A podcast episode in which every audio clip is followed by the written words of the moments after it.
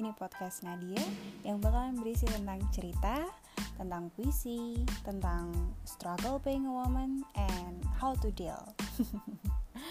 well, enjoy this podcast and have a good time.